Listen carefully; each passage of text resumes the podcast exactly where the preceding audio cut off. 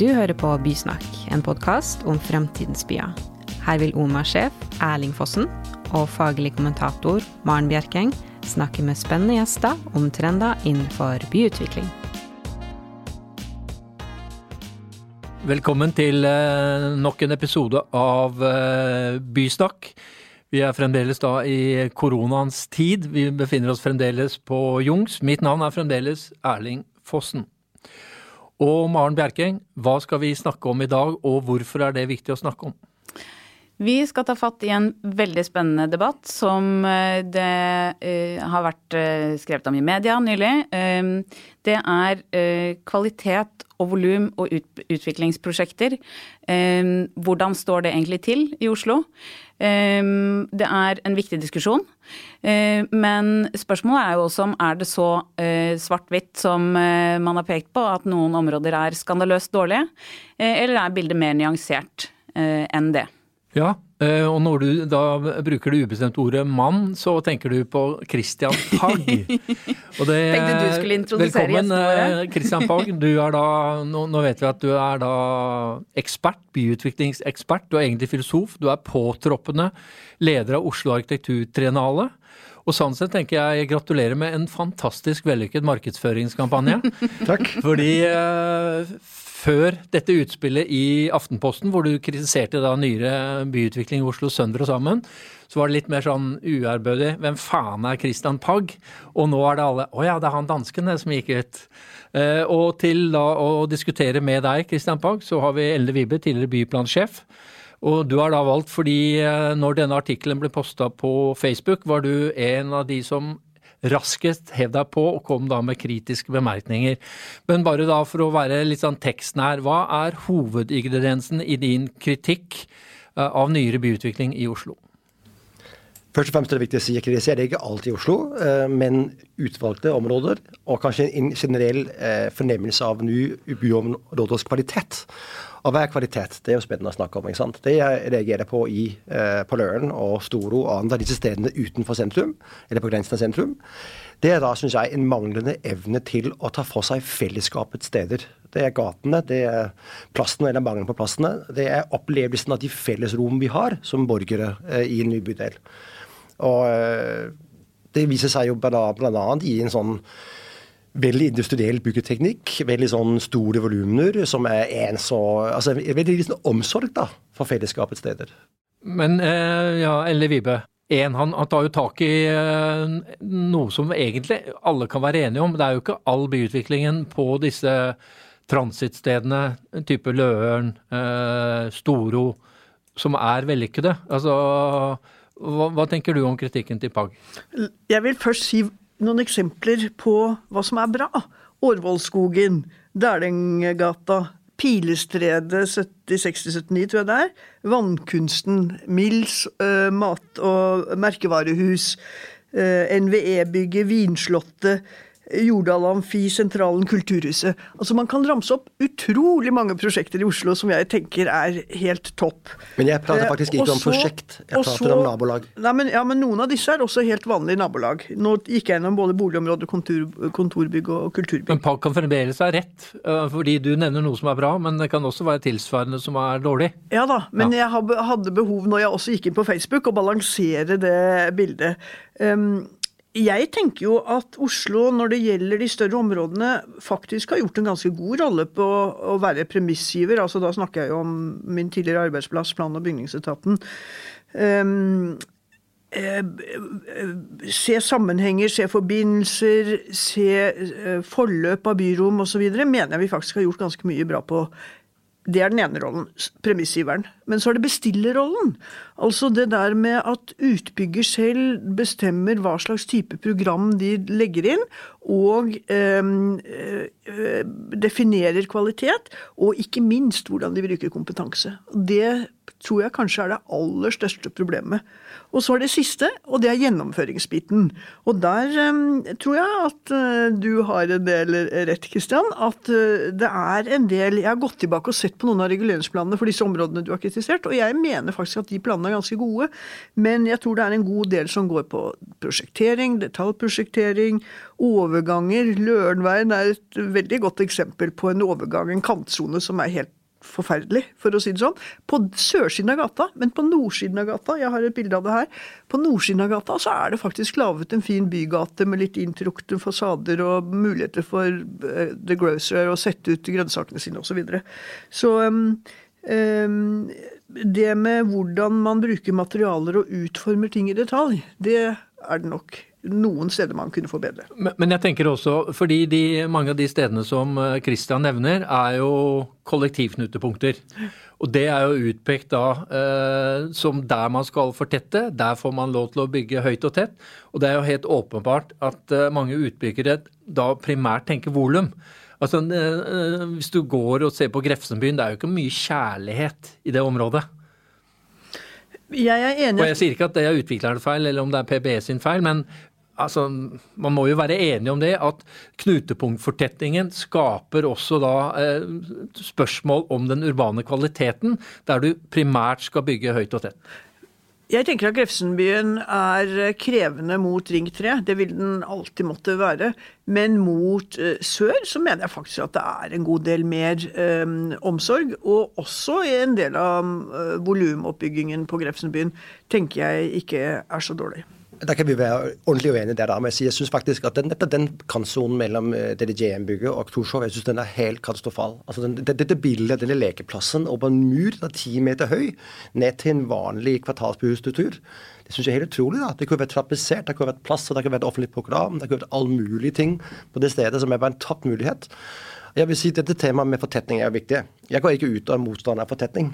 Fortetning er veldig krevende. Det krever arkitektonisk presisjon. Og Det jeg kanskje synes er mest viktig, det jeg er opptatt av, at jeg ikke å kritisere, fordi jeg vet det er vanskelig å lage god by, det er komplekse prosesser, det er mange aktører. Men jeg tenker, Hvorfor er ambisjonen ikke at vi skal skape en fantastisk bra by? Vi har et veldig rikt land, vi har masse flinke folk i Norge.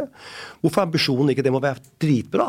For, altså, det er noe med ambisjonen da, og J må ha tent, tent millionene på det prosjektet. Et enormt prosjekt. Uten skalering, uten variasjon i byrom. Uten det minst banale orientering mot landskap rundt. Det er det det er trolig. Det, det de gjør i prosjektet, det har ingen kontekst. Og det er mangel på kontekstforståelse som jeg syns er det største problemet. Maren? Ehm, jeg tenker jo at er, Her er det jo uh, veldig mye å lære også av den diskusjonen. Uh, fordi uh, jeg er jo enig i veldig mange av poengene dine. Eh, og så tenker jeg at da må vi eh, Nå skal jeg ta både på meg utviklerhatten og arkitekthatten. Eh, jeg er glad i å ha mange hatter på en gang.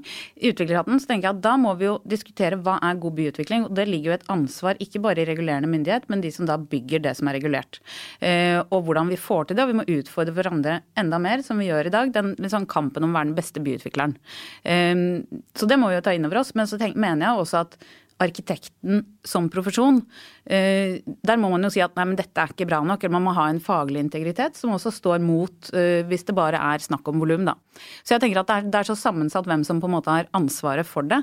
Eh, og så er det jo utfordrende når man skal bygge mye, man skal bygge rimelig, og man skal utvikle disse nye byområdene hvor det ikke f.eks. er et eksisterende næringsgrunnlag. Hvordan vet man da hva folk vil ha, f.eks. Og hvordan fungerer det. Så det er, det er veldig sammensatte problemstillinger, men jeg tror en av de tingene som pekes på, eh, det, bildet som, det famøse bildet nedover den gaten med alle de lukkede soklene og fasadene der, eh, det peker Nå er vi i Lørenveien. Ja, Lørenveien. Eh, det peker jo på sant, hvordan man uh, har litt sånn glemt å jobbe med, med gatene og byrommene akkurat der. Um, og det, sånn, sånn, bør, sånn, bør, det jo ikke være. Men uh, hvem som har ansvaret for, for de dårlige eksemplene, det er jo ganske komplekst ofte. Det jeg har lyst til å si, det er at når du går rundt på Løren, så kan du nesten se hvor utbygger har brukt f.eks. landskapsarkitekt. Det er ikke blitt brukt inne i gårdsrommene, men den aktivitetsparken, som egentlig er en ganske liten park, der ser du altså det er regnbed, og det er skikkelig detaljert, og det er um, gjort på en måte som ser at er gjort med omtanke. Um, men det der å følge kvaliteten fra de store, flotte ordene og hele veien ned, og helt gjennom uh, selve prosjekteringen og byggesaken, tenker jeg jo er uh, utrolig viktig. Og så er det jo noe som man Her har vi Vinslottet fra Kristin Jarmund på Hasle. Altså det der med å se på hvordan kan du gjenbruke de byggene som er, hva slags program legger du inn i de underetasjene eller de uh, uh, altså førsteetasjene som ligger i dette gamle produksjonslokalet, og så legger du boliger på toppen. Det krever en form for programmeringskompetanse som kanskje en del av boligbyggerne trenger å forbedre seg på, da. Men hvis jeg må ta fatt i det, så er jeg veldig enig, og også nettopp i det du sier, um, Maren, med at det krever så mange forskjellige innspill i en sånn prosess. da, og Det er kanskje noe av det man må ta på seg, at byutvikling er mer enn byutvikling. Det er på en måte byskaping, byinnovasjon. da. Jeg tenker Noe av det man kan gjøre, det er å kreve på en måte mer investering i utviklingsfasen. og slett. Flere penger til arkitekter, flinke arkitekter, men også andre. Programmering, kulturstrategi, samspill mellom forskjellige funksjoner. da. Så liksom dette med å si at man må kreve mer bra folk i tidlig fase, tror jeg er veldig viktig. Og hvis man supplerer med én ting til, så jo, det skal bygges rimelig. Men Opus for eksempel, de har vel tjent én million per leilighet de solgte siste år. Én million på leilighet. Hvorfor skal så mange penger gå ut av stedet, da? De kunne brukt si, halve på å lage bedre, bedre arkitekter, bedre finish, bedre materialer, bedre uterom. Og jeg har jo utfordret eh, Daniel Sirai før på det at eh, med så sterke økonomiske muskler som Obos har, så burde de drive mer forskning og utvikling. Og så har de startet da Living Lab eh, på Vollebekk. La oss håpe det bringer noe ny kunnskap. Ja, Vi kan ikke kritisere Obos her når de ikke får lov til å være her og svare. Men, men, men vi kan alle enige om at hovedproblemet til Oslos byutvikling er Obos. Det kan vi nei, nei, nei. Jeg kritiserer ikke Obos. Jeg taler penger. Det er bare Vi må prate penger, da. Det er ja. penger til å drive verden. Og det, hvorfor er det en forventning om så en stor avanse? Det man gjør når man har en stor profitt, man drar penger ut av det sted, opp i, en, et annet sted. Hvorfor skal pengene ikke brukes der hvor vi faktisk bygger? Det er det spørsmålet jeg, jeg tenker jo at et, Det som mangler ofte i de prosjektene, er jo, og det er det mer fokus på nå, opplever jeg, men det er den fokusen på bygulvet. Eh, som del av alle prosjekter. Eh, det er ikke det at alle fasadene skal være åpne, men du bygger ikke bare en boligutvikling. Du må tenke på hva skjer på bygulvet, og hvordan programmerer man det. Eh, og det er det i hvert fall en større fokus på nå. Det er de gode nabolagene og de kvalitetene der. Men det er jo en litt egen profesjon å skjønne de mekanismene der som gjør at et bygulv fungerer. Eh, så det er jo noe som bør inn i større grad også i de områdene. Den siste saken jeg underskrev før jeg gikk av som byplansjef, var en veileder om bymessighet, som i veldig stor grad behandler bygulvet. Jeg tror det er kjempeviktig å ha mye mer fokus på. Når jeg nevnte Vollebekk, så var det egentlig også for å nevne Vollebekk fabrikker, altså som har vært en metode for å mobilisere folk, folk lenge før det bygges noen boliger der. Og Vollebekk var jo også et av stedene hvor kommunen faktisk bygde skole og barnehage før det kom boliger. Eh, veldig bra, vi har ikke alltid gjort det. Eh, men, men, det der å få til de prosessene krever noe mer enn bare å sende ut en spørreundersøkelse. Altså Det var et femårsprosjekt, det er EU-prosjekt som man jobber med, med fem store utbyggere for å få til den mobiliseringen, og hvor de nå dyrker altså urbant landbruk innvendig osv. osv. Sopp av kaffegrut. Men det er spennende med disse tingene. Jeg syns det er et bra eksempel. Jeg har også evaluert uh, Volvik-fabrikker. Det er masse spennende ting i det prosjektet. det jeg syns ofte er problemet, er at man ser det på det som midlertidige ting. Så det er litt morsomt og gøy i gaten. Så kommer ja. vanlig eh, bolig etterpå. Så det med å jobbe mer spesifikt med tid, da, med, med tidsligheten i byens utvikling, eh, og kan man si, kulturutvikling Eh, og da tenker Jeg jeg er helt enig i bygulvet er viktig, men jeg opplever litt man blir inne at bildet av alt må være kommersielt. Alt må være liksom bare en variasjon av det vi kjenner akkurat nå. Og da savner jeg litt eh, Jeg kan sitere Alf Jørgen, skrev en god artikkel Alf Jørgen Snell om mangelen på visjoner. da. Og Det er morsomt å se på 70-tallet og 30-tallet og, og andre tiders evne til å forestille seg noe magisk, fantastisk på fellesskapets vegne. Og alt kan være sånn, men bare noe litt mer da, som vil noe som ikke bare er å få inn noen Rema 1000 og inn noe inn sånn plantasjen. da. Altså, men i Bjørvika har det jo vært jobbet med kunst og kultur på ulike måter, iallfall i 20 år. Eh, og en del av de aktivitetene er jo der fortsatt. Blant annet er jo Herligheten liksom det ypperste eksempelet på en slags sånn eh, eh, det sivile samfunnsparadis, ble jeg jo kalt det. med de men, men, kan vi da også skille mellom Fordi det, det jeg mener altså, det er lett å være utenlandsk ekspert og skyte fra hofta i forhold til en byutvikling, og så går du glipp av veldig mye av hva skal du si, det mangslungne eller mangfoldige, men alle de store pengene i byutviklingen i Oslo de siste årene har gått inn i Fjordbyen. alle prestisjeprosjektene, alle de eh, internasjonale arkitektkonkurransene, alle de danskene, danske byromsekspertene går jo inn der. Og sånn sett skal du kritisere byutviklingen i Oslo, så er det Fjordbyen du skal kritisere. Og jeg vil da liksom uærbødig si at Bjørvika trumfer hvilket som helst utviklingsområde i København. Mens du kommer litt sånn som og tenker som så at Bravo. Ja, i København, det vi gjør i, i København er bedre enn vi gjør i Oslo. Nærmest sånn som en sånn slapstick. Og det er jo fremdeles mange norske urbanister som har studert i Danmark, i København, som har den. Ja, ja, København er så flinke. Men på fjordbyutvikling så er dere skikkelig dårlige. Og Bjørvika er da top notch. Altså, jeg, jeg kan si noe, noe Og, og dermed så lar vi Løren være. At du har rett med hensyn til Løren, Storo. Men det er ikke der du skal ha fokus når det gjelder byutvikling i Nå, Oslo. nå kan jeg jo selv bestemme hvor jeg vil ha fokus, da. Men, men, øh, men, men det der med jeg er dansk og sånn Ja, men jeg altså, skal hjelpe deg å se rett, bare. Men øh, jeg, dansk og dansk, altså jeg bor i Oslo tre år. altså Jeg følger med, og jeg prater ikke som dansk, jeg prater som Oslo-borger. Jeg er engasjert i byen min. Byen min er Oslo. Eh, og jeg er jo da i arkitekturtrenderen opptatt av å se fremad. da. Hva kan vi få til bedre? Og Jeg er på mange måter enig. Jeg syns Fjordbyen har mange kvaliteter. Og det er ikke en konkurranse om at København er bedre enn Oslo, men vi kan lære av hverandre. Eh, Det er det jeg syns er den viktige samtalen. da. Jo, men når man kritiserer etter ham, så må man ha et komparativt perspektiv òg. Altså, og, og enten er det eksplisitt, altså Løren er dårlig, se f.eks. på det og det området. Og du kommer jo da og kritiserer noe uten å si det, hvordan det egentlig burde vært. Jo, jo, jeg har masse ting i, i artikkelen om hva jeg mener man løser bedre. Og da må jeg si at på er si ikke sånn prime property-utvikling som Bjørvika, da vil jeg si at da er bunnivået høyere f.eks. i Danmark, også i Sør-Europa og andre steder. Da er, det er evnen til å prosjektere i bunn, tenke i bymessighet, tenke i fellesskaper, er større og mer utviklet enn jeg ser på f.eks. Og Storo. Altså jeg må si Løren og Storo er veldig dårlig. Altså, og det er dårlig komparativt sett, også internasjonalt sett. Um, Men jeg prater ikke om hele man kan Oslo. si mye. Man kan si mye um, Ja, men, men bare Ellen, nå, dette er viktig. altså han, han forsøker ikke å ramme Oslos byutvikling. Han forsøker bare å ramme de to stedene, og det skal han få, egentlig. Eller? Jo, men du må ikke glemme Kanonhallen og parken rundt, og du må ikke glemme det vei, altså gatekrysset som er blitt liksom, altså Løren torg, eh, hvor folk lever sine liv og har det egentlig bra. De gangene jeg har vært der oppe, så ser du småunger leke eh, vilt i den parken osv. Um, eh, og så kan man være enig i at den arkitektoniske kvaliteten på en del av byggene er ikke det samme som i Bjørvika. Um, Og mener da. Gårdshundene er veldig misbrukt. da, masse, Bare, parkering og avfallshåndtering og tull og tøys. ikke sant? Men- jeg er helt enig. det er jo ikke, det er jo ikke det er jo helt, jeg, jeg skal ikke tale ned folk. Jeg håper folk er glad på å bo på Løren. Og det er ikke for å si alt er dritt. Men som jeg ser det, så er det en enormt tapt mulighet da, for å skape noe egentlig fantastisk. Og, og fantastisk er ikke bare sånn fantasi. Det er jo de stedene vi lever vårt liv.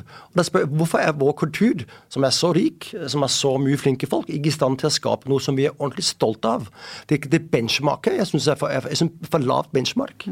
Men det er jo noe med Da kommer vi jo inn på den hva er kvalitet, ikke sant. Og for oss som arkitekter og øh, fra vårt perspektiv så er det veldig mye vi kan si at ja, men det er dårlig og det er dårlig. Men det er jo, som Erling er inne på, det er jo folk som bor på Løren og trives kjempegodt med det.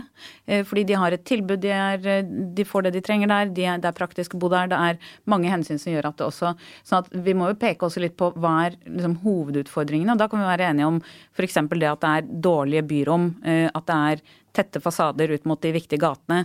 Noen sånne ting. Men det å bare liksom si at her er det dårlig, ferdig snakka. Man må liksom grave litt i nyansene hvis vi skal kunne lære noe av det også. Helt enig. Men det er også det jeg gjør, da. Men jeg er helt enig. Det er ikke for å si at folk ikke må være glad for Løren. Altså, ja. Men, men, men jeg tenker det derre med å øh, De tre rollene, altså bestillerrollen, øh, premissgiverrollen og gjennomføringsrollen, det tror jeg er noe man burde jobbe med både i samspillet mellom kommunen og utbyggere, øhm, og også mellom arkitektstanden og utbyggerne. Fordi jeg er ganske sikker på at vi kunne oppnådd litt mer, altså høyere score på benchmarkingen, eh, hvis vi gikk bedre inn på det. Øhm, Men jeg tenker også at eh, vi hadde jo en befaring på Ensjø, og da var det også kritikken. Ensjø, at mye av den samme kritikken som skal ramme Grefsenbyen, eh, Storo, eh, Løren, kan du da anføre på Ensjø. Og så gikk vi rundt der, og da var det en svær gjeng. Og da ser man jo man har veldig vanskelig med å skape urbanitet akkurat på T-baneplassen. Eh, Det manglende urbanitet opp Gladengveien. Og så kommer du inn i de ulike boligprosjektene, og så ser du små lommer av bymessighet og urbanitet. Og da ble det jo sånn Så konklusjonen er egentlig, når du setter deg inn i et område, er at det er både og. Så det å svinge svøpen over et område nærmest sånn Det er for dårlig.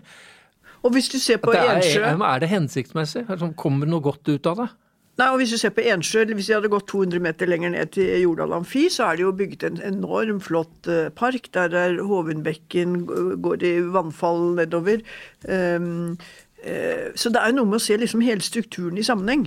Um, Men da var, jeg er for så vidt enig i at Mitt poeng er jo ikke å være sånn eh, alt er dritt, fordi det er poeng til Altså, kritikk først og fremst i mine øyne skal jo gjøre at man kan bli bedre neste gang, litt som du sa, Maren. Og det er jo en anledning til å diskutere hva skal til som å bre samspill mellom de aktørene som skaper byen, f.eks. Kan vi se det på, på en bedre måte? Det det er interessant. Eh, Men jeg synes det er viktig på en måte å på dansk altså, kalle en spade for en spade. Altså, dette er ikke bra nok. Eh, Vi kan gjøre det bedre. Og det, det syns jeg er legitimt, da, hvis det er presis kritikk. eh, Og eh, for å komme videre. Og Det er jo det som er vel vår ambisjon i triennalen, er å sette det fokus på det med nabolag. Hva skal til for at vi får en større grad tilhørighet og fellesskap der hvor vi bor? Nå har jo Future Built 2.0 laget eh, sirkulære, altså kriterier for sirkulære nabolag. eh, og det hadde det jo vært morsomt å kanskje kunne anvende fremover når man skal planlegge neste område i Oslo. Helt klart.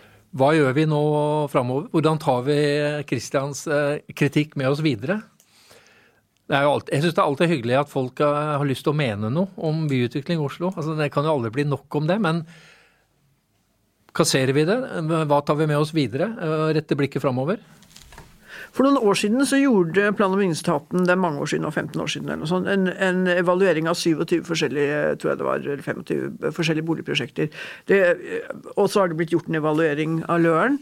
Det kan nok hende at man burde sett på og tatt en evaluering av flere av disse nye prosjektene. Kanskje vente til Vollebekk er kommet litt videre osv. Men, men i OMA-sammenheng så kan det jo hende man skulle ta for seg forskjellige temaer. Altså bygulvet. Um, vi snakker om flerfunksjonalitet, men mange av disse aktørene er jo i tankemodell rene boligforsynere. Uh, hvordan får vi til den reelle mangfoldet i funksjoner? Um, og så selvfølgelig arkitektonisk uh, uttrykk. Altså ikke minst variasjon og boligtypologi tror jeg vi har en del å utvikle. Siste ord til deg, Maren. Men er det ikke slik at vi evaluerer jo alt vi gjør? Burde vi ikke også bli flinkere til å evaluere da utviklingsprosjekter som blir, blir gjennomført? Eh, og jeg syns jo det er, eh, er, relevant å ta det og litt tematisk diskutere det. Og se på hva er det vi faktisk er litt opptatt av. Hva er det vi faktisk kan lære av det? Eh, litt mer spesifikt. Og se på Så er det jo viktig også hvordan kan vi Vi har arkitekturpolitikken, vi har kommuneplanen som styrende verktøy. Og så er det litt Eller et stort element av det å ta ansvar for byutviklingen fra utviklersiden. så det er, det er samspill, og det er det å å gjøre konkrete lærdommer, ikke bare si at det er dårlig. Takk for at dere kom. Eh, takk til dere lyttere som eh, hørte på. Eh, vi håper dere ble klokere. Og så venter vi i lengsel og spenning på Christians neste utspill. sånn skal det gjøres, heter det. Takk for nå. Takk for nå.